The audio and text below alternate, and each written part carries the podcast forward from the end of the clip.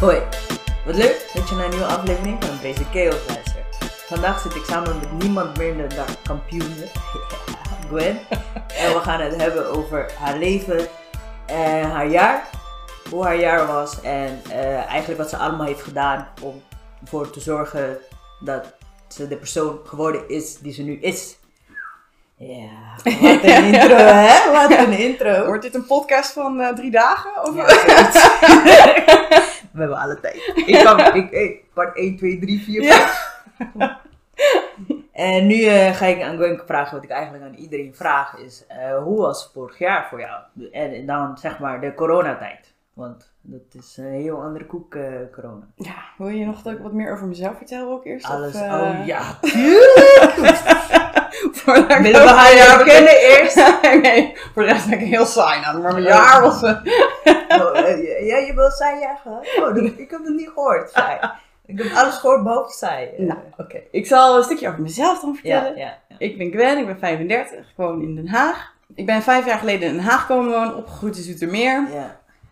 Ehm, rond dezelfde tijd ben ik toen begonnen met powerliften ongeveer. ja. Eh, ik was daarvoor, nou, had ik wel wat overgewicht en ik wilde gezonder worden. Ik wilde gaan sporten en eh, ik kwam eruit eigenlijk dat ik sterk was. Dus ik dacht, hé, hey, dit is leuk. Oh, maar hoe, hoe ben je zeg maar begonnen? Want Maar vijf was ik- jaar terug was het. Nou, het is iets langer dan vijf jaar terug, want ik ben in 2014 met powerliften begonnen.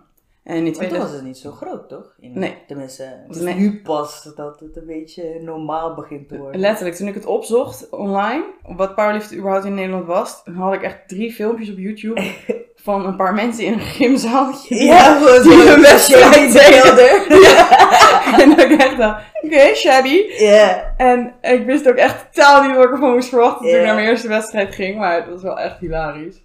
Maar eh, ik was daarvoor heel erg veel met hardlopen bezig. En hardlopen is gewoon niet zo goed voor je lichaam. Eh, Nee? als, je het niet? Veel, Oh. als je het veel doet op asfalt. Ah, zo ja. Ik kreeg shinsplint, ik Ja. kreeg last van mijn knieën. Knieën, en, knieën. ja. Ja. En ik wilde gewoon minstens vier, vijf keer in de week sporten. Ja. En zeker drie, vier keer daarvan was hardlopen. ja. En mijn lichaam zei gewoon, nope. We gaan even iets anders zoeken. Ja, dus toen eh, had mijn fysiotherapeut ook gezegd Gwen, je moet de keuzes gaan maken. Het kan niet allemaal tegelijkertijd. Ik was ook al gaan kickboksen, of thai-boksen was het toen nog. Maar waar kwam dat vandaan dan? Dat je bezig moest blijven of dat je heel veel... Ja, ik, omdat ik dus dat overgewicht daarvoor had. Ah. En ik was heel erg bezig met afvallen. En ik zat in een relatie die op zijn einde liep. En ik werd daar gewoon een beetje van in de war. En ik wist niet zo goed meer wat ik met mijn leven wilde. Ik voelde Want me heel hoe erg oud vast. was je En dan ongeveer toen dit allemaal gebeurde? Een jaartje of 28. Ah, oké. En toen eh, dacht ik, nou dan ga ik stoppen met hardlopen. Ga ik dat nog maar één keer in de week doen. Ga ik voor de rest wel krachttraining doen in de sportschool. En toen kwam ik er dus bij uit dat squatten en deadliften, dat ik dat heel leuk vond. en dat ik daar heel goed in was. Maar en ik miste een beetje de uitdaging van, wat kan ik, eh, waar, waar train ik voor? Wat ik met hardlopen wel deed. Ja, dat snap ik wel. Toen kwam ik online erachter dat eh, als ik alleen bankdrukken erbij nam, dat het een sport was. Oh, kijk eens. Win-win. Ja, toen dacht ik, oh mooi. Kan ik weer soort van met een doel gaan trainen, naar een wedstrijd toe. Dus eh, ik had, ik had ehm, een trainer in Rotterdam gevonden en daar was ik op eh, bezoek bij gegaan en eigenlijk met hem een keer echt op powerliften getraind. Maar toen- hoe, hoe voelde het? Want het is een mannenwereld, toch? Ja. Dus hoe voelde het om als vrouw daar tussen te gaan zitten? ja, ik ben altijd heel erg one of the guys geweest. Ah, ja, dan voelt het als ik, juist, ik voelde Ja. me daar heel gemakkelijk bij. En, en ook het feit dat ehm toch wel heel veel kreeg van, ah, lekker wijf. En, Ah, en, ja, en. En eh, ik, dacht, ik dacht van, ja, leuk man hier. Lekker veel bevestiging van Ja. anderen had ik ook heel erg nodig Ja. op dat moment. Dus dat was heel fijn. En, eh, nou ja, en ik was er goed in. Ja. Het is, je hoeft je eigenlijk niet eens echt, ik hoefde me niet eens heel erg in te zetten voor iets. Oh, En ik had er al die heel snel. er, eh, Ja, Oh, dat is wel tof. Ja, ja. dus uiteindelijk, toen natuurlijk wat beter werd, moest ik natuurlijk wel meer moeite ervoor gaan doen. Maar in het begin ging dat heel hard. Ja, en, ja. juist omdat die sport nog niet zo bekend was en ik eigenlijk een van de weinige vrouwen was die dat toen deed, Ja. eh, kreeg ik er heel snel naam mee inderdaad. Oh, dat is en wel tof, ja. heel veel mensen om me heen die ook op een gegeven moment alleen maar mij als lifter zagen. En, Ja. Nou, dat, dat is op een gegeven moment wel ook wat mij eerst gaan tegenstaan toen. Want als ik mensen tegenkwam op straat, iedereen vroeg alleen maar van... hey, hoe is het met... eh ja, klopt. Ja, ik ben niet eens zo groot. En mensen gaan aan mij vragen. Ja, maar hoeveel kan je liften nu? Ja. Hoeveel kan je liften nu? Nou, nou, ik doe ook andere dingen Ja, precies. leven dan dat. Precies dat, ja. Dus nou ja, daar... eh, maar goed, dat, dat is een lange, lange periode geweest. Ja. Maar, eh, dus dat liften, dat heb ik nu zo'n bijna 2,5 jaar ach- geleden achter me gelaten. Ja. Powerliften. Nadat ik in 2018 eh, Nederlands kampioen ben geworden. Jongens, even. eh, Dit kan je niet zomaar, zomaar alsof het gewoon kom, we gaan koffie drinken zeggen. Je bent gewoon Nederlands kampioen geweest. Ja, Powerliften in 2008. ja in de min 72 kilo klasse. Zo lauw. Weet toch, Voor mij, ja, ik weet dat jullie dit niks zeggen, niet veel mensen, maar wat waren je gewichten dan? Mijn squat 147,5 kilo. Jezus. Bench 92,5 en deadlift 187,5 kilo. 187. Oké, ik ga jullie even iets laten vergelijken. Mijn deadlift is 115, hè. Is gewoon niks. Is gewoon niks. En mensen denken ik ben sterk, hè. Jullie weten niet, hè. Ben je ook? niet. Maar hey, ik trainde er ook wel even op, Ja, op is een manier. wel zo. Ja. Maar je, je werd Nederlands kampioen en toen dacht je, dit, eh, dit is het. Nou ja, dus na vijf jaar lang echt alleen maar met powerliften bezig zijn geweest. Ja. Ik had echt een leven van werken, trainen en in het weekend feesten. Dat was een beetje mijn leven. Oh, dat- toch wel relaxed. Het was... Zo- zeg, ja, heb ik daar goede herinneringen aan. maar ik was mezelf totaal aan het voorbijlopen. Wat, wat voor werk deed je toen de tijd, zeg maar? Eh, ik, ik coördineerde daar in het grafische proces verpakkingen. Ja. En ehm, ik ging daar gewoon heen, ik deed mijn werk en ik ging weg en dan was mijn echte leven. Oh, dit is echt gewoon die, eh, ik moet werken tot onze 70ste en Ja. dan klaar. Gewoon. Precies, dus Ja. dat, dat gewoon waar ik mijn salaris mee verdiende en, en dat was om eigenlijk de rest van mijn leven te kunnen onderhouden en te kunnen doen wat ik wilde doen. En natuurlijk had wel echt, ik had echt een leuke groep collega's. Ja. Ja. Weet je, dus ik had wel echt een hele leuke, leuke kliek aan collega's en ik deed er ook echt heel veel leuke dingen mee. Maar ergens voelde ik me ook weer niet helemaal in dat wereldje passen. Nee. En dat- en dat achteraf ben ik er ook wel achter, is dat ook wel een van mijn dingen. Dat ik mezelf al snel te veel vind en dat ik me dan ga afscheiden. Oh, Uit zo. angst ja. mensen Wat voor wereld was het dan waardoor je vond dat je niet paste, zeg maar? Ja, er waren toch wel heel veel mensen die WO afgestudeerd waren, die Oh, eh, ja, traineeships hadden gedaan Ja, ja. En, en, en toch wel uit een soort ander milieu kwamen dan ik. Ja. En eh, ik vond En het moeilijk. gewoon de Ja. powerlifter. ik, ben, ik ben gewoon Gwen, ja. Ik, ik heb een soort van haven met twee vingers in mijn neus gedaan. HBO eh, vond ik eigenlijk al te veel werk. Ja. ik zweer, ik, dacht ook, ik heb ook twee jaar gedaan voor niks gewoon. ik wil stoppen. ja, precies. Ik heb het al afgemaakt uiteindelijk, maar ja, ja, ik ben meer een, een doener. klopt. Dus ja, ik, ik vond ook mijn hele opleiding helemaal niet leuk. Communicatie gestudeerd. Vond het helemaal niet echt interessant. Ah, dus. Maar dat, ik zeg je eerlijk, dat doen mensen. Ik heb media en entertainment management gedaan. Het is gewoon communicatie en mem. zijn gewoon voor de mensen die niet Ja. weten wat ze willen doen met No hun leven. En nee, maar letterlijk daarom heb ik ook gekozen, ja. Zo breed kan ik van alles mee doen. Ja. Ja. Zo pas wel iets hè, wat ik leuk Precies. vind. Ik Zolang maar dat HBO-diplomaatje heb, Ja, dan ben ik veilig in het leven. Ja. Want dat was nou precies dus ook wat ik deed. Klopt, ja, Kijk, als ik een goede baan heb en ik verdien mijn geld, dan... eh, Dan is het klaar. ja, nou, dan ben ik gewoon... Precies. en dan eh, ben ik gelukkig volgens eh, het boekje. Nou ja, ja, uiteindelijk is het een- om je lichaam natuurlijk een veilig gevoel te geven van mijn overleving is veiliggesteld. En dat zie ik nu ook wel heel duidelijk in. Oh, gelukkig. Ja, maar toen de tijd was het inderdaad wel. En je gaat, ik, ik ging mezelf ook dingen wijsmaken. Dus op werk dacht ik van, oké, iedereen maakt promotie en iedereen heeft bepaalde competenties. Die moet ik ook hebben, want dan kom ik ook weer hoger. Heb ik meer salaris, heb ik meer aanzien. Dat is een beetje waar het bij mij om ging draaien. En eh, dat is ook waar, waar het bij mij op is misgelopen. Ah. Want ik zat mezelf in een soort van vierkantje te proppen terwijl ik een rondje was. En Ah, zo, ja, klopt, Ja. dat snap ik. Je voordoen dan, anders dat je bent. eh. ik dacht gewoon, dit hoort zo. Wil ik promotie maken, dan moet ik mee met de massa en mee met de mensen die, die dit doen. En ehm, ik kan niet staan voor wie ik ben en wat ik denk, wat ik voel. Want dan eh, pas ik niet bij de rest van de mensen hier en krijg ik die promotie dus niet. En word ik als irritant beschouwd. En Maar dan ben je ook eh, raar, hè? Als je anders denkt. ja, Of als je andere dingen gaat doen. En het was ook wel, nou wederom is het weer anders dan, maar een hele erg mannenwereld waar, Ja. waar ik in zat. En ehm, niet zoals met het powerliften. Dit, dit was wel echt een mannelijke ego-cultuur. Als, als in toch al, ja, ja, er waren wel heel veel mannelijke managers. En als vrouw zijnde merkte ik dat er toch wat, wat minder mm, diversiteit in zat.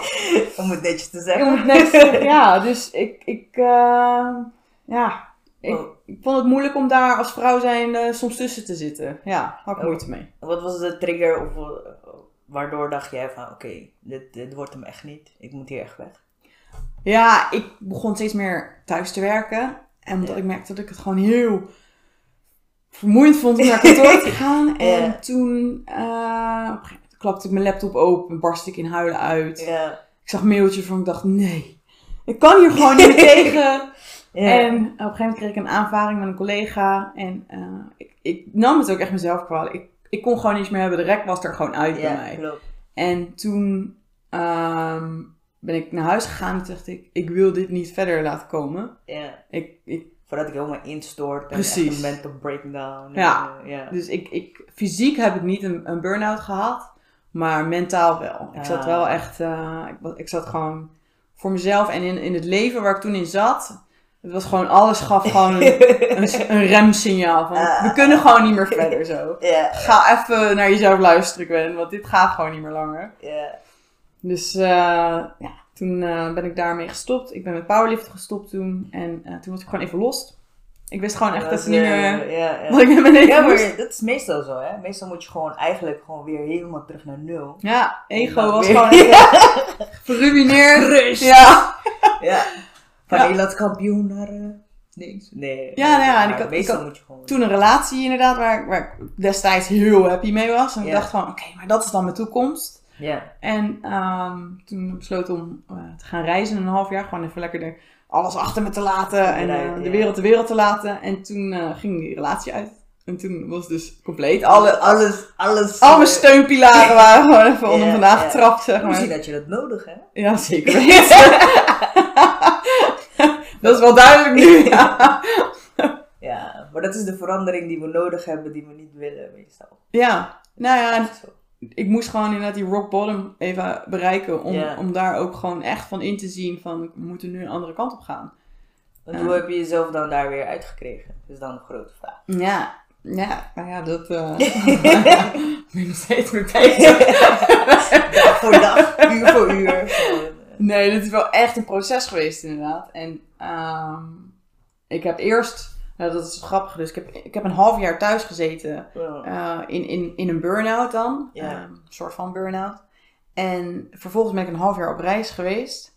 En op reis heb ik eh, ja, wel echt, ja, je bent in je eentje. Klopt, ja. Dus je wordt echt wel geconfronteerd met jezelf ook op bepaalde momenten. En eh, de eerste maand natuurlijk zwaar liefdesverdriet. Dus ik zat eigenlijk alleen maar te huilen. Oh. En ik was echt alleen maar, "Eh, ik ben alleen. Aan de andere kant van de wereld. Maar toch wel voor elkaar gekregen om, om heel Vietnam door te reizen in mijn eentje. En echt in bussen vol met alleen maar Vietnamezen die geen Engels spraken. Ah, dat is super tof. en dat ik gewoon. Google Maps moest bijhouden. Volgens mij is hier echt mijn bezopen. Mama, Please don't rape me. kom hier alleen eh, om mezelf te zoeken. Ja. En, eh, maar goed, dus toen ik die maand soort van, die eerste maand had overleefd, toen ineens werd het soort van een normaal iets. Ja. Ik moest ook gewoon wennen aan het reizen en het weg zijn uit Nederland. En toen, ja, gewoon eh, keihard gefeest, maar ook heel erg in mezelf gekeerd. Op een gegeven moment, ik heb twee maanden op Bali gezeten en heb ik gewoon geen druppel alcohol aangeraakt bijvoorbeeld. En ik alleen maar het soort van spirituele pad opgegaan. Ja, ik man. Eat, pray, love shit, weet je wel. Ja, dat helpt wel, toch? Ja, en Eind, eh, Aan de ene kant was het heel mooi, want ik heb me gewoon echt opengesteld voor alles. Aan de Ja. andere kant weet ik ook wel, ik, er zitten hele mooie boodschappen daarin. En ik ben echt wel daardoor veel meer spiritueel geworden. Maar eh, ik, ik, ik, blijf wel altijd Gwen. En op de een of andere manier ben ik altijd wel heel erg nuchter in het leven. ja, En, ja, dat snap ik wel. Ja, Maar het is ook je eigen manier van hoe je dingen wil geloven. precies. En het is, ik je moet pak je de eigen dingen eruit die bij mijn leven passen. Ja, Ja, klopt. Het is niet dat eh, we allemaal, eh, weet je, met zo'n matje in de ochtend eh, tien uur moeten gaan mediteren. of. Nou ja, ik doe het niet, maar het zou misschien wel heel fijn zijn. en ik, ik, ik moet eigenlijk, heb ik mezelf wat voorgenomen van, fijn om zo de dag inderdaad misschien te starten. Ja, En als mensen het wel doen, hoeft het ook niet eens te zeggen dat, dat het wappies zijn natuurlijk. Maar klopt, ja. ehm, ik merk gewoon voor mezelf dat soms is spiritualiteit wordt ineens een nieuwe verslaving. Bij sommige mensen. Dus Ja. die, die, die, die gaan dan compleet daarin op. Oh, en- zo, ja, ja. Kristallen eh, middernacht buiten leggen. Ja, ja, En, nou, dat snap ja, ik. nou ja, iedereen, iedereen zijn ding, maar dat is gewoon Ja. voor mij iets too much. En ja, Ja, dat snap ik wel. Ik ben ook heel erg bijgelovig. Echt. Ja, maar dat krijg je mee gewoon met je opvoeding. ja, ik niet Nou, hoor.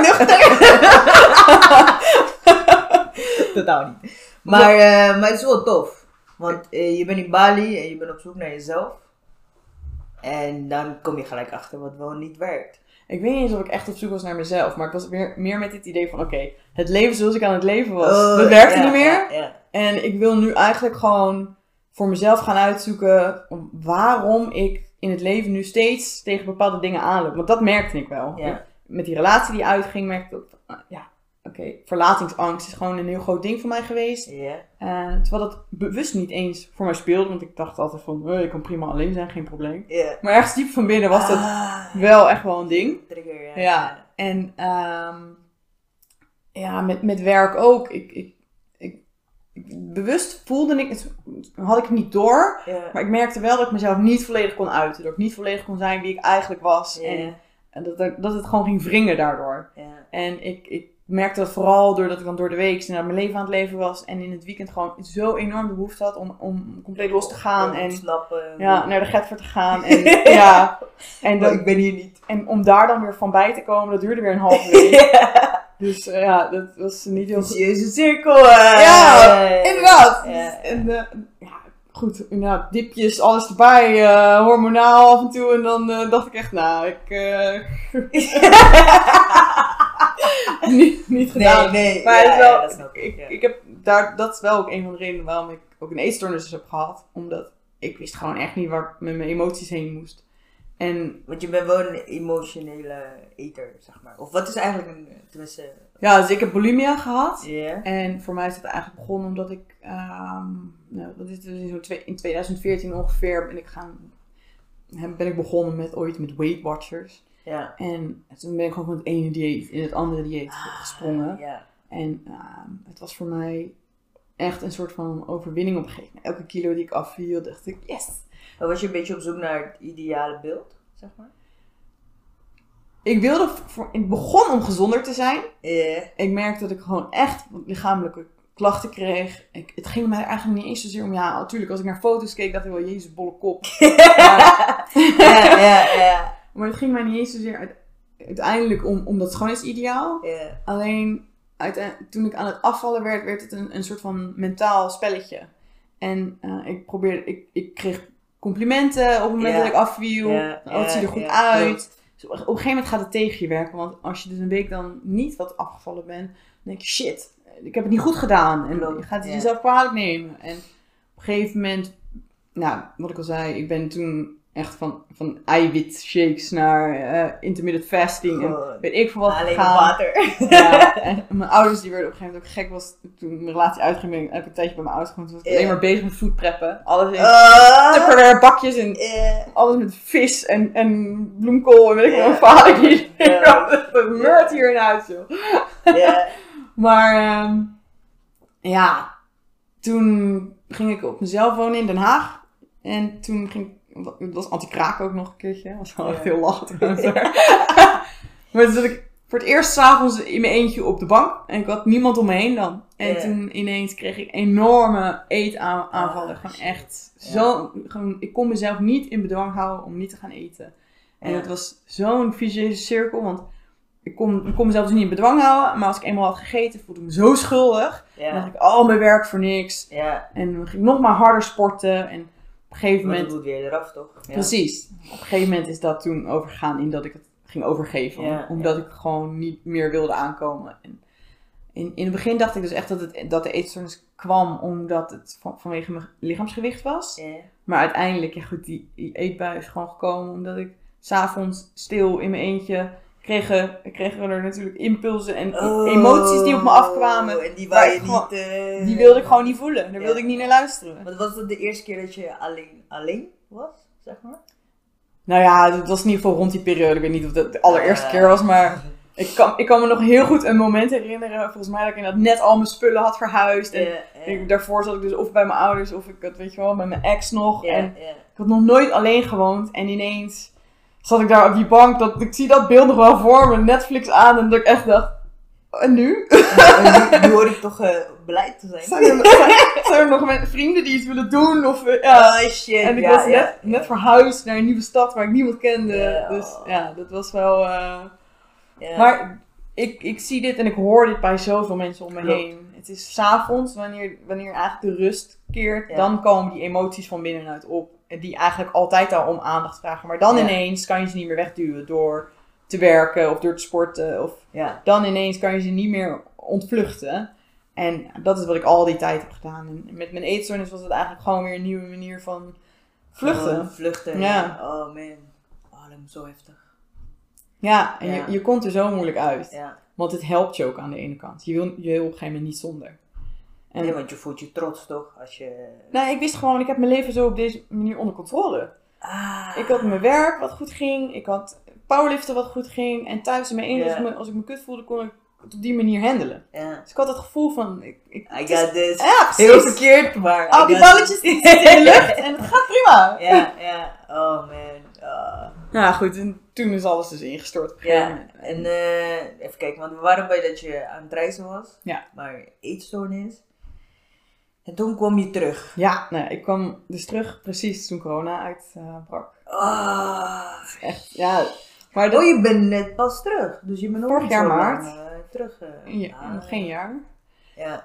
Dus ik was, eh, toen het echt uitbrak, was ik in Azië. Dus dat was heel grappig. Want ik kreeg van iedereen appjes van eh, virus en kijk uit. En ik dacht, nou, ik merk niks hier hoor. Gewoon nog aan het feesten. Alles. Ja. Dus ik was, toen, ik was toen in Thailand. Ik was aan het trainen. Dat was heel grappig. Ik heb Ja. drie, drie weken lang daar eh, getraind. En ehm, er zaten heel veel Chinezen daar ook. Die niet meer terug konden naar China. Ja. En, eh, ik, Ja, alles en ik zat alleen maar heel chill toch? Ik zit hier, ja, relaxed. Fuck it, Ja. Ik ben aan het trainen. ja, precies. Ja, ja. En ehm, op een gegeven moment eh, ben ik daarna drie weken nog door Cambodja gegaan. Met Ja. mijn ouders, die waren er ook. En toen mijn ouders terugvlogen, toen waren al vluchten gecanceld. En toen, ik had nog, eigenlijk nog een maand. En, Ja. ik, en ik kreeg al een beetje een gevoel van, oh, dat gaat niet helemaal goed. En ik dacht, Nee. in Nederland ging toen inderdaad net in lockdown. En toen dacht ik, nou, misschien kan ik beter in Azië blijven dan. Want als daar alles dicht is, Ja, dan kan ik beter. blijf ik even hier zitten. Maar toen was er dus ook dreiging dat, eh, ik was toen net naar Bangkok gevlogen. Ja. Dat ook Bangkok in lockdown zou gaan. En toen dacht ik, oké, maar ik moet hier niet vastkomen te zitten. Nee, dan kan je beter in Nederland zijn. eh. Precies. Ja, ja. En er waren ook helemaal geen toeristen meer. Dus Ik zat in mijn eentje in een hostel. Serieus. Dus ik dacht, volgens mij gaat het. Ik ben- denk dat ik terug moet. Ja, ik ben diezelfde avond, ik kwam aan op Bangkok, ik ben daar ingecheckt bij mijn hostel. En toen zag ik dus dat het verlaten was. Toen ben ik diezelfde avond teruggegaan naar het vliegveld. En ehm, heb ik eigenlijk geprobeerd bij de maatschappij waar ik een terugvlucht had staan, om mijn ticket te laten omboeken. En die hadden gezegd van, ja, dat gaat niet lukken. En eh, boek, boek maar gewoon een nieuwe ticket. Dan kan je achteraf regelen dat, dat je je geld terugkrijgt van die Ah, ander. Ja. En toen dacht ik, volgens mij moet ik gewoon weg. Want ik zag zoveel mensen, ook bij die balie. Ja, die iedereen, ja, toch een beetje paniek situatie. dus ik dacht, oké, ik, ik ga gewoon... De vlucht is volgeboekt. En die vrouw zei van, ja, sorry, ik kan niks voor je doen. Dus toen dacht ik, ik, ik ga gewoon op die website. Want die website was een beetje vaag aan het doen. Ik dacht, blijf gewoon refreshen. Totdat die fucking vlucht de lucht in is. Want je zie je wel. Ja. En toen ineens had ik een ticket. Toen kon ik alsnog naar huis. Oh, man, zo chill. Ja, dus, maar toen ik thuis kwam, toen was dus iedereen hier in lockdown. En ik was daarvoor al een half jaar thuis geweest. Omdat ik natuurlijk in mijn burn-out zat. Dan een half jaar op reis. Dus ik kwam terug in lockdown. En eigenlijk vond ik het wel fijn. Even Ja, heel, heel stom ja, want ik wou net Maar- vragen van, je komt wel terug, was je niet bang om terug te komen dan? Ja, ik was heel bang om terug te komen. Want ik dacht, het leven is zo snel. In vergelijking met ja, Azië. ja tuurlijk, daar is toch alles gewoon relaxed en je leeft per dag en zo. ja, nou ja, goed. hier in Nederland, Het is ook wel cha- chaos, maar, dat is meer het verkeer en, en de Ja. mensen en zo. Maar ja, inderdaad, de, de mindset van de mensen is gewoon veel chiller. En ik dacht, je, dan kom je hier in Nederland en moet alles weer. Iedereen moet, moet, moet. Ja. En daar had ik even, ik had er zo weinig zin in. En toen was het ineens lockdown. En toen zat iedereen binnen. Ja, dus Niemand was- moet. Niemand was aan het feesten, weet Ja. je, niks mocht. En toen dacht ik, oh, dit is wel Oh chill die eigenlijk. FOMO-effect. Precies. Ja. ja. En ik dacht, wow, ik zit binnen en ik mis niks. Dat is Ja. goed Oh, zo. niks. oh, dan kan je jezelf werken. Perfect moment. Nou ja, dat is wel inderdaad wat ik toen heb gedaan. En ehm, dat eerste half jaar dat ik weer terug in Nederland kwam, toen ben ik wel echt ook op, op mijn mel gegaan hoor. Ik heb het echt zwaar gehad, ja. Maar meer in de zin van dat Nou, je... dat ik dacht, toen ik op reis was, dat ik dacht van, hè, ik ben Bali geweest, ik heb mezelf helemaal Oh, ik heb alles en- verwerkt. Ja, nou nee. Dus. ja, ja, ja. dus ik heb eigenlijk in het begin, eh, de eerste drie maanden dat ik terug in Nederland was, eh, ik, ik, ik heb zoveel boeken en zoveel dingen gelezen toen ik op reis was ook. Ja. Echt heel veel zelfontwikkelingsboeken en ik ben er echt, echt wel mee aan de slag gegaan. Op Bali zelf heb ik ook een retreat gedaan en ik heb echt allemaal workshops gedaan daar Ja. in, in allerlei soorten gekkigheden. theorie heb je allemaal gedaan, maar praktijk nu nog. Nou, exact, exact. Dus ik eh, ook met mijn ex toen kwam ik met hem weer in contact en dat, Ja. dat, dat bracht mij zo weer in de war. En Ja, toen dacht ik ook, dit, dit kan zo niet langer. Dus op een gegeven moment heb ik toen besloten van, inderdaad, ik ga nu actie nemen. Dus ik ben toen ehm, ayahuasca gaan doen en ik heb toen een... wat is eh Ayushka? Ayahuasca is plantmedicijn en dat eigenlijk een, eh, de, de werkende stof is DMT. En daar ga je van hallucineren. Ah, maar het is ehm, net zoals sommige mensen LSD of colors gebruiken. Het is een, een, een, een, drugs dat je eh, je, ja, je on, onbewuste brein openstelt Oh, eigenlijk. oh. Dus je kan, Spannend. je kan op reis gaan in je eigen hoofd. Zeg maar. En dat eh, geeft heel, heel veel openbaringen. Ja, ja. ja, ik wou net zeggen. Maar eh, was je niet bang dat je dingen zou zien die je niet wil zien? Of? Eh, nou, dat is een angst voor heel veel mensen. Dat is ook Ja. een angst waarom, ze eigenlijk, waarom heel veel mensen ayahuasca niet durven. Maar ik wilde juist eigenlijk daardoorheen. Ah, oké. Want ik was er wel heel erg van bewust dat ik dus inderdaad tegen onbewuste dingen aan het opboksen was voor mezelf. En ik was inmiddels wel zo in die mindset dat ik dacht, wil ik verder komen in het leven? Wil ik, eh, weet je wel, het beeld wat ik van mezelf heb over wie ik wil zijn als persoon, moet ik door deze dingen heen komen? Oh, dat is wel heel tof. Ja. Dat je sowieso zo denkt, toch? Nou ja, ik had dus ook echt verwacht dat die hele ayahuasca-ervaring eh, ellendig zou worden. Want het is, je, je kan ook gaan overgeven. En, nou, het, is, het is letterlijk, sommige dingen komen gewoon uit je. En die moet je soms ook kwijt. En eh, ik had helemaal verwacht, ik ga door het slijk en ik ga inderdaad janken en kotsen en alles. Gaat... En dan is het in ieder geval eruit. Maar ik heb de meest prachtige trip ever gehad. Echt? Dat is wel tof. Big smile en het was echt Ja. universum, alles, weet je wel. Maar ook wel heel veel realisaties. En het lijkt alsof, het leek toen alsof mijn brein echt gewoon duizend procent werkte. Ja, je was En- er- misschien was je ook ready, gewoon echt. Gewoon van, Ja. oké, ik ben nu echt klaar voor dit. Oké, let's go. Ja, je, je, je hele je hoofd werkt echt op een ander level. Het is, je zit in een soort van droomland en, en alles is ineens duidelijk. En kijk, tuurlijk heb ik dat zo gedaan. Logisch toch? Natuurlijk doet diegene dat op die manier. En oh ja, mijn ouders dit. En ik zag, Ja, ik zag ineens gewoon, allemaal... alles. Ja. Denk, Oh, daarom. Oh, kon ook, kon ook ineens heel erg afstand nemen van mijn eigen oordelende brein. Dat ik dacht, oh, die meningen die ik altijd vorm. En ja, dat is natuurlijk gewoon Oh, zo tof, man. ja, vanuit mijn Oh. ego. En ik zag het zo plop zo verdwijnen. En sinds die ervaring kan ik ook heel erg mezelf nu soms zien van een afstandje. Dat ik denk, wow, oké. Eh, judgmental, Gwen. Weg, even normaal Ja. doen, even stapje terug. Ja. Oeh, deze emotie, Gwen, waar komt dit vandaan? Ja. Dus het, is, het heeft mij heel veel emotionele vrijheid gegeven. En eh, ik ben toen ook eh, met een, een psychologe eh, verder gegaan. Een EMDR-traject gedaan met haar. En eh, ik ga nog steeds naar haar gewoon als een soort van mentorfunctie. Ja. Eh, Wat, was je mening dan daarover, zeg maar? Over psychologen en met iemand praten? En, eh, ja, dit is zo stom. Eigenlijk had ik er niet eens echt een mening over. Maar Ja. toch is daar een enorme drempel voor. ja, Om, omdat ik heel, heel erg sterk deed. Ik dacht, ja hallo. Heb ik daar echt iemand voor nodig? ja. Kan ik dit niet gewoon uit een boek halen? Of kan ik dit niet gewoon zelf? Ja, ja, ja. Alleen toen voor dus de zoveelste keer, want ik, ik ging dus echt van ups naar downs. Eh, in zo'n down zat, dacht ik, nee, dit, gewoon, ik moet dit ja, patroon nu gaan verbreken. Want anders blijf ik op en neer gaan. Ja, En ehm, maar ja, dat heeft, dat heeft me echt heel veel gebracht ook. ja, Je wordt toch, toch meegenomen in, in een soort van ja, eh, ontdekkingstocht ook in jezelf. Van, klopt. Ja, je, je, je brein maakt zo snel een verhaal van een bepaald gevoel in je lijf. Dat je niet eens door hebt wat er gebeurt. En zij heeft me echt wel laten voelen van wat een gevoel echt is. En hoe, hoe je naar dat gevoel kan gaan. In plaats van naar het verhaal luisteren wat je hoofd ervan maakt. En daardoor kom je er dus ook achter van... oké, dus die dingen die ik normaal gesproken altijd ontwijk of waar ik snel boos van word, dat is eigenlijk omdat ik heel diep van binnen overtuigd ben van een bepaald iets. Ah, ja, Wat je ergens vanuit je jeugd natuurlijk hebt meegekregen. Ja, het begint allemaal. eh, Precies. Je eigen opvoeding, hoe, je- hoe je ouders met je zijn omgegaan. En, ehm, Ja. ja. mijn eigen ouders heb ik er ook wel echt hele mooie gesprekken over gehad inmiddels al hoor. Maar ja, Dat is wel heel tof dat je daar zo bewust van bent. ja, ja het is, ehm, kijk, het woord trauma is vaak heel zwaar. Ja. En eh, mensen die stellen zich daarbij voor dat je dan echt seksueel misbruikt of dat je in, in geweldsituaties bent geweest. Maar een trauma is gewoon een situatie in je jeugd geweest waar emotioneel je behoefte gewoon niet is bevredigd eigenlijk. Ja.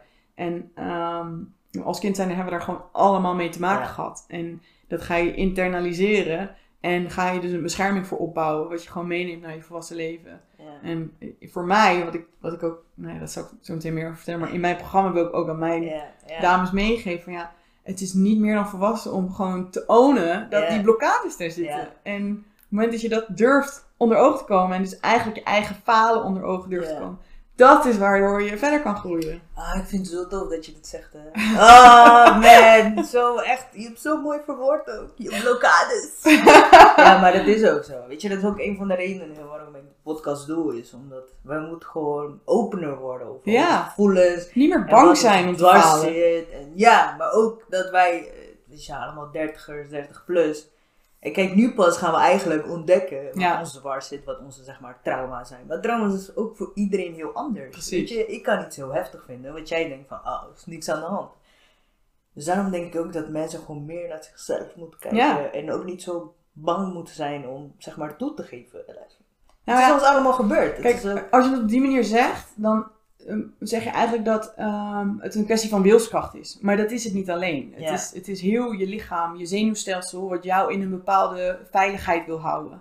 ja. Dus, en daarin komt je brein dus weer terug als die verhaalmakende machine die zegt van... Nee, dit gaan we niet doen, want dit vind jij niet leuk. Of hier weet je, word je niet vrolijk van. Of die wil jou in een bepaalde situatie houden. Dat is heel je, je zenuwstelsel wat daar gewoon op reageert. En ehm, je kan dus wel zeggen van... Ik moet gewoon situaties onder ogen gaan komen. Of, ja. maar zo werkt het niet. Het is elke keer je hele lijf eigenlijk bewijzen dat wanneer je inderdaad een, iets doet wat buiten die comfortzone ligt, dat je daar niet aan doodgaat. Want dat is letterlijk het gevaar wat in jouw lichaam Klopt. dreigt. Oh, zo tof, jongens, zie je. Iemand met ervaring. Het is, het is, het is inderdaad heel. eh, nou, ik, ik heb een heel stuk ook over e- evolutie geschreven. En hoe, wat dat met je lichaam doet. En hoe trauma daar ook mee eh, aan gerelateerd is. ja. Ehm, je, de, je hebt een, een vagus nerve. Die Oh, wacht door even, je... waar kunnen, waar kunnen Nou. we dit lezen? Of waar? Oh ja, dit is in mijn online programma. Oh, jongens, dit is het sneak peek. dit is... Even product placement hier. even, ja. Er komt nu reclame.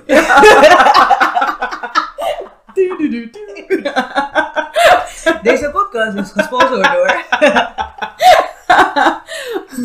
Nee, oké. Maar ik bedoel, je kan het ook gewoon googlen. Heel internet staat vol. Hè. Ik ben Ja. echt geen... eh, ik ben niet iemand die dingen opnieuw uitvindt. Alles, bedoel, alles staat al uitgeschreven. En ik ga Nee, doen. nee, las zei ook iemand. Ook tof in de vorige podcast. Van, eh, je hoeft niet de wiel opnieuw uit te vinden. Precies. Je moet gewoon je eigen spaken en je eigen dingetjes erop zetten. Juist. En, Ja, en ja. eh, weet je, gemak dient de mens. En, niet iedereen heeft de tijd om het allemaal uit te zoeken. Dus wanneer, wanneer je het hapklaar aan mensen kan voorschotelen, Ja. Ja, dat werkt gewoon op die manier. Maar ehm, ja, het, het, wat ik al zei, die, die, ons zenuwstelsel reageert dus op, op gevaar. En dat gevaar wordt veel sneller geprikkeld dan veiligheid. Omdat bij gevaar moet je rennen, vluchten, et. Ja, ja, ja. Veiligheid is prima. Weet je, Dus gewoon... daarom zijn we ook veel gevoeliger voor negatief nieuws bijvoorbeeld dan voor positief nieuws. Positief nieuws boeit ons niet. Worden we, ja, worden we niet door Sensatie, hè? geprikkeld. Ja. Zo werkt ons brein is gewoon. echt heel kut. Maar ja, daarom, daarom al het clickbait. Ieder- ze weten precies hoe ze onze hersenen moeten prikkelen. Dat is gewoon allemaal eh, neurowetenschappelijk. Ja. Maar eh, gevaren, die geven dus ons ehm, impulsen om, dus wat ik al zei, te vluchten, te vechten of te bevriezen. Dat is gewoon puur vanuit evolutie gezien om jou veilig te houden in de natuur. En nu zijn gevaren niet meer diezelfde gevaren als we toen de tijd hadden. Het standaard Nee. verhaal, jullie leeuw, weet ik veel, die aanval. Ja. En is het Oh, nu... gelukkig. ja, er ligt daar een kleintje. Ja. Ik was bang voor gevaar. Maar nu zijn het eh, inderdaad je, je, je partner waarmee je ruzie hebt, of je, je manager die je niet mag. Of het zijn nog steeds dezelfde gevaren die jouw lijf die impulsen geven om jou veilig te houden. Dus eh, je kan wel denken vanuit je brein van ik, ik wil hieruit en ik wil iets anders. Maar heel je lijf geeft aan van als je het nu anders gaat doen, gaan we dood. Ja, En dat is letterlijk het oergevaar wat jij voelt. ja. Dus ja, het, het is heel moeilijk om eruit te Ik wou stappen. net zeggen, het is echt heel moeilijk. Ja, Maar, hé, er is licht aan het eind van de tunnel. Hè? Ja. Als je daar eruit bent, nou dat, dat is zo. hoe prettig je je dan voelt als persoon. Het, wat jij, ja, ergens moet je dus wel cognitief, dus met je hoofd, wel beseffen van...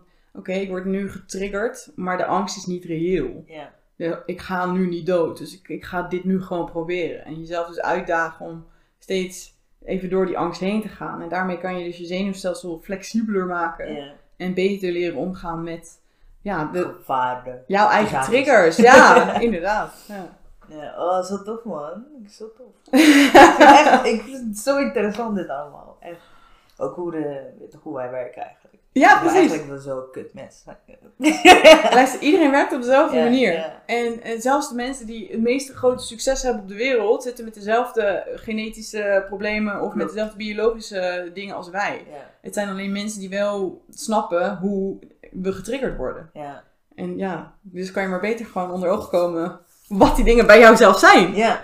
ja, maar dat is sowieso heel moeilijk om de eerste stap te nemen en om eigenlijk te beseffen dat je onder ogen dingen moet gaan zien. Ja, Dat is wel heel lastig. ja. Maar je was eh, ready dat je dingen onder ogen moest zien. Ja, nou ja, wat ik al zei, het afgelopen jaar in, in het, corona, Dus het was corona-jaar eigenlijk Lex voor jou. was voor mij een heel bijzonder jaar. ja. ja. Ik eh, ben zelf begonnen heel langzaam aan dus eh, om training te gaan geven. Omdat ik zelf natuurlijk vanuit de sportachtergrond zat. En ik dacht altijd van, sport is mijn hobby. Ik wil daar niet meer werk van maken. Maar uiteindelijk dacht ik wel, ja, dat is wel waar mijn energie ligt. Waar ik echt, waar ik me fijn bij voel. En volgens mij moet ik daar gewoon iets mee. En eh, dus zo ben ik langzaam in het lesgeven terechtgekomen. Dus dat eh, doe ik nu zo'n drie kwart jaar. Dat is eigenlijk nog helemaal niet zo lang, maar... Ik doe echt. ja, ik dacht. Ik, ik, jongens.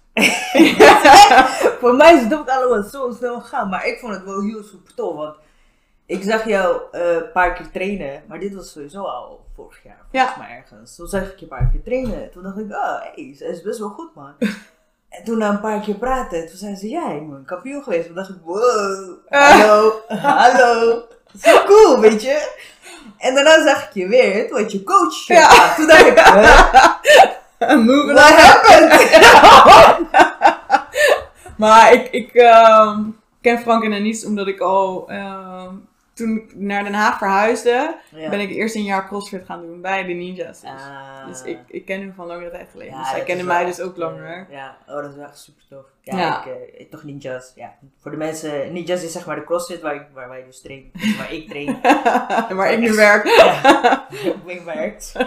Ah, maar het, het is wel zo dat het is zo, zeg maar, ik vind het ook zo relaxed, daarom blijf ik daar. Want het is een soort van, ja, familie, de community, dat is gewoon, mensen zijn zo chill. Ja. En Iedereen ook, weet je, ook toen jij geen coach was, als iemand iets aan je vroeg, weet je, je geeft mensen gewoon tips en iedereen wil dat, ook, iedereen wil dat iedereen gewoon beter wordt. Ja, maar dat vind ik überhaupt gewoon het mooie En aan dat is CrossFit. gewoon heel tof, ja. De mensen ja. onder, onderling met Ja. elkaar vind ik gewoon echt heel Maakt mooi. niet uit wat je wel niet kan. Iedereen Ja. steunt elkaar. Precies. En je krijgt heel vaak heel veel mensen van, als ze voor het eerst in een box binnenlopen, dat het heel imponerend kan zijn. En dat weet je, iedereen smijt met gewichten. En eh, maar ze snappen juist niet dat erachter juist iets heel mooi en Ja, heel- ja, ja, klopt, ja, ja. toch ook wel kwetsbaar kan zijn. Juist dat iedereen elkaar aan blijft moedigen tot het de laatste klaar is. klopt. En weet je, dat soort Ja. dingen. Ja. Ja, ik vind het echt super tof. Ja. Oh, ik mis het echt.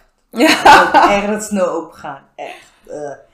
Maar eh, ja, want toen ben je les gaan geven. Ja, ik En, ben eh, ehm, eigenlijk dus toen ik thuis kwam, heb ik wel al meteen besloten van ik ga, ga ik wil zelfstandig zijn. Ik wil Ja. niet meer onder een, een, een werkgever werken. En ehm, ik ben eigenlijk ook heel snel begonnen met mijn, mijn eigen bedrijf opzetten. Ja. Omdat ik ergens een vaag idee had wat ik wilde gaan doen.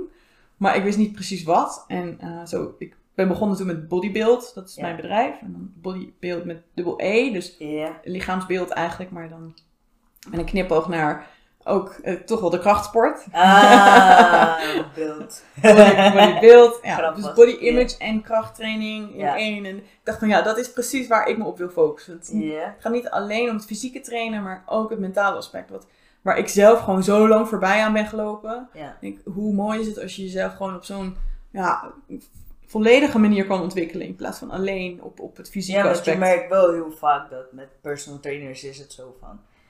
Eh, dat het alleen maar eigenlijk gaat om te trainen. Het gewoon het ja. gewicht te pakken en dan gewoon, oké, je krijgt nog een schemaatje. En Ja, dan, je bent eh, wel altijd een, een stukje misschien wel bezig met mindset. Je geeft wel Ja. wat tips. Maar dat, ja, de focus ligt daar natuurlijk niet. Nee. heel veel mensen eh, gaan ook naar een personal trainer gewoon met het idee... ik wil afvallen. Ja. Of ik wil sterker worden. Of, maar dit is altijd heel fysiek gerelateerd. En ja.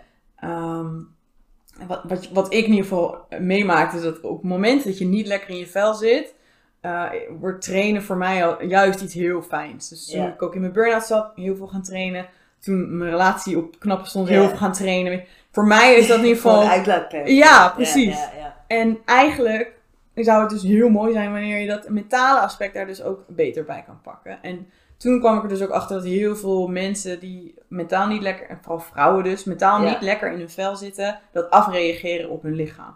Obsessief gaan trainen, obsessief met eten bezig zijn. Ja. ehm, en denken dat het eigenlijk een extern iets, een intern iets gaat helen. Dat, dat gaat gewoon niet gebeuren. En daar ben ik toen eigenlijk zelf Ah. in verder gegaan. En, Ja. en ehm, het heeft voor mij ook echt, het is een heel erg proces geweest om, om wat, wat wil ik nou precies opzetten, wat wil ik nou precies gaan meegeven. Maar uiteindelijk ben, ben ik nu met een online programma, Ja. dus dames aan het leren om te kijken, dus ook met wetenschap, met kijken naar evolutie, kijken naar trauma. Ah. Wat er eigenlijk in je hoofd gebeurt, Ja. waardoor je fysiek zo kritisch op jezelf kan zijn. Ah.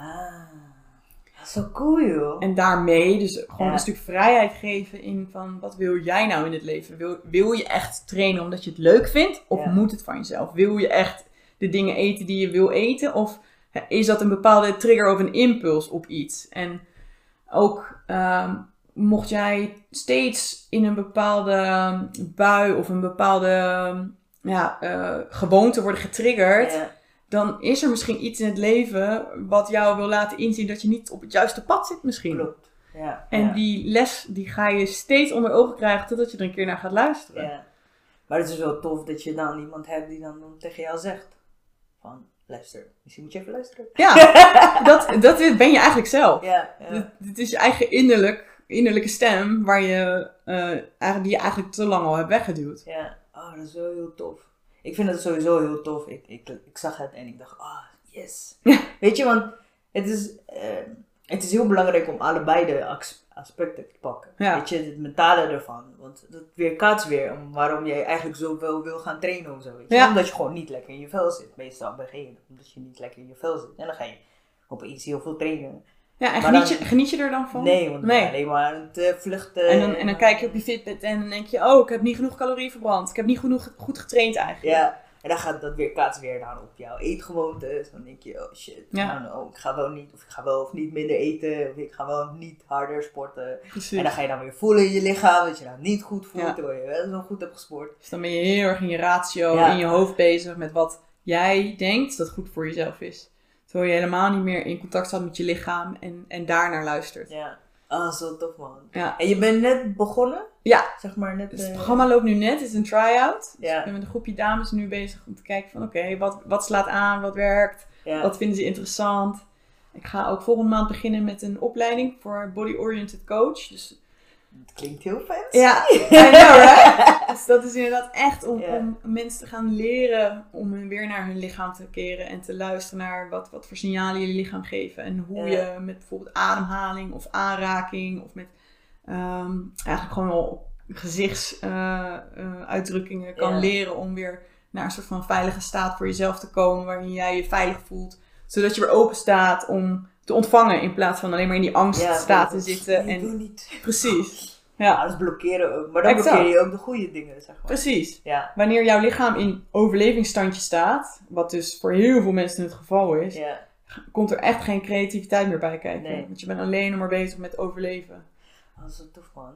En wat kunnen mensen bijvoorbeeld, zeg maar, verwachten als ze eh, in die trainingen? Is het, dat je, is het fysiek of ook, zeg maar... Nee, dus mijn, mijn online programma is er echt puur op gericht om, om een stukje bewustzijn te creëren bij, bij, bij vrouwen. Van, ehm, waar, waar komen deze ideeën en gevoelens eigenlijk vandaan? En ehm, een stukje opdrachten om weer eh, contact te maken met hun eigen lijf. En ehm, misschien op den duur dat ik ook programma's wil gaan combineren met een stukje fysieke training inderdaad. Maar voor nu is dit even Het is een... gewoon eh, eh, even kijken wat werkt. ja, dit is het eerste programma wat ik heb gelanceerd heet Lief voor je lijf. Lief voor je lijf. Ja. Oh, zo schattig. oh, zo leuk. Ah, ik vind echt, eh, ik vind echt super tof. Eigenlijk moeten we gewoon over een paar jaar weer gaan zitten. En dan, Ja. dan in een villa. En dan, oh, mijn programma is zo succesvol. ja, dan woon ik in het buitenland. Ja. Gewoon, oh, hier laat mij toch wel over vliegen. Ja, dat regel ik wel. Mijn privéjetje. Maar, eh, manifesteren deze handel. Ja, Sowieso, ja. speak things into existence, hè. Ja, ja. Maar waar kunnen mensen jou dus, zeg maar, eh, vinden, bereiken? Of eh, stel dat ze meer info willen? Ja, het makkelijkste is via Instagram.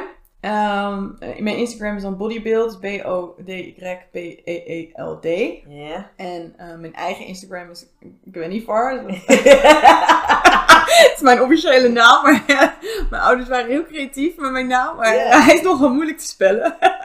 maar als je naar bodybuild gaat, staat daar een link naar mezelf ik, toe. Ik denk jou wel vooral in. Ja. Ja. Eh, mijn website heb ik nog niet af. eh, wat ik Oh, zei. dat komt ook nog. Ja, joh, ik ben gewoon Ja, lekker ja, begonnen. Ik ben gewoon net begonnen. Waar we het over hadden, weet je, die angst aankijken.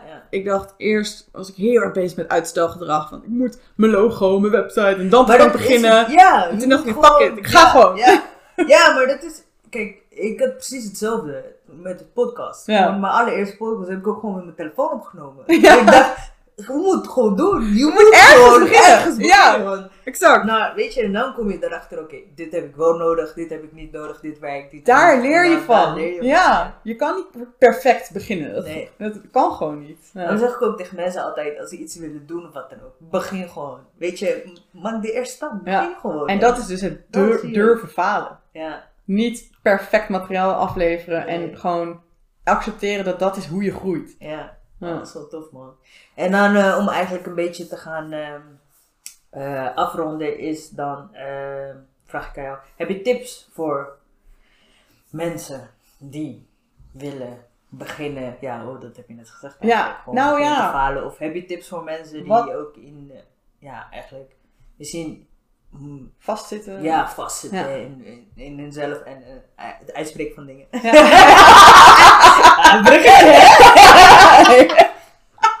ja, zeker. Ik, ehm, voor mij, is een hele grote les geweest. ehm, je, je kan in je eentje tot een bepaald niveau komen en daarna houdt het op. Want dat is waar jij bent. En je kan niet verder kijken dan wat je zelf geleerd hebt. Ja, Dus het is zo belangrijk om en hulp te kunnen vragen. En mensen op te zoeken die ergens staan waar jij wil zijn. En zoek een mentor, zoek een, een, een, een, coach of een psychiater, een psycholoog. Maakt niet uit. Iemand waar jij je fijn bij voelt en die ergens staat waar jij graag wilt zijn. Want die persoon weet de weg daar naartoe. En die kan jou daarbij helpen. En voor jou is die weg onduidelijk nog. Dus boeken lezen, eh, praten met je vrienden die op misschien eenzelfde level zitten als jij, gaat jou niet brengen naar dat, net dat extra leveltje omhoog waar je misschien wil komen. Daarvoor heb je gewoon mensen nodig die de, die ervaring hebben. ja. Zoek die op. En dat is zo Ja, belangrijk. Wees niet bang ook. Ja, Heel veel mensen zijn zo bang om hulp te zoeken of omdat ze dan denken dat ze niet zelf kunnen. precies. Want dan moet je eigenlijk Ja. toegeven van ik kan, dit, ik kan iets niet, wat ik wel graag wil. Maar ja. Nou jongens, jullie hebben gehoord. hulp, zoek hulp. SOS. ja. ja, accepteer het. Ja, ja, oh, ja, dankjewel. Graag Een gedaan. super tof gesprek. En zoals Gwen eh, zei, van, eh, wees niet bang om hulp te zoeken. Dus volgens mij heb ik dat in elk gesprek, elk podcast. Gelukkig heb ik dat mensen dat zeggen van, weet je, wees echt niet bang om hulp te zoeken. Ja, Dat gaat je alleen maar naar een eh, andere level brengen. En eh thanks, dankjewel. Ja, super tof persoon die ik tof tegenover me heb. We hebben heel veel gelachen. en we elkaar ook eigenlijk bijna niet kennen. Super tof. Maar eh, ja, ik ga haar taggen, dus eh, hou mijn Instagram in de gaten. leuk, superleuk. Jullie kunnen mij volgen natuurlijk op Kelku. Als jullie vragen hebben of wat dan ook. Laat me weten als jullie hulp hebben in iets. Misschien kan ik jullie connecten met iemand of wat dan ook. Graag hulp! SOS. en ja, nou, uh, de volgende podcast. Doei!